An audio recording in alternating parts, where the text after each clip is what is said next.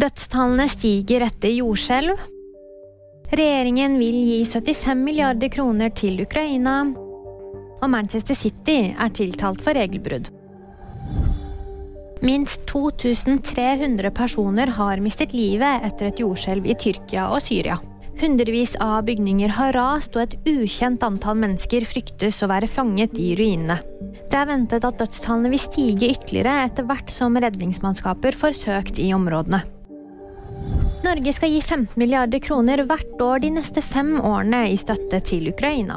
Det varsler statsminister Jonas Gahr Støre. Regjeringen foreslår i tillegg et eget program for bistand til land i sør som er rammet av krigen i Ukraina. Manchester City er tiltalt for flere regelbrudd. Det bekrefter Premier League. De ramser opp det som skal være over 100 regelbrudd i perioden 2009 til 2018. Blant dem er brudd på Financial Fair Play-regler. Klubben sier at de er overrasket og skriver vi ønsker en behandling av saken i en uavhengig kommisjon velkommen. Det var VG nyheter. De fikk du av meg, Jamunpreet Gahr.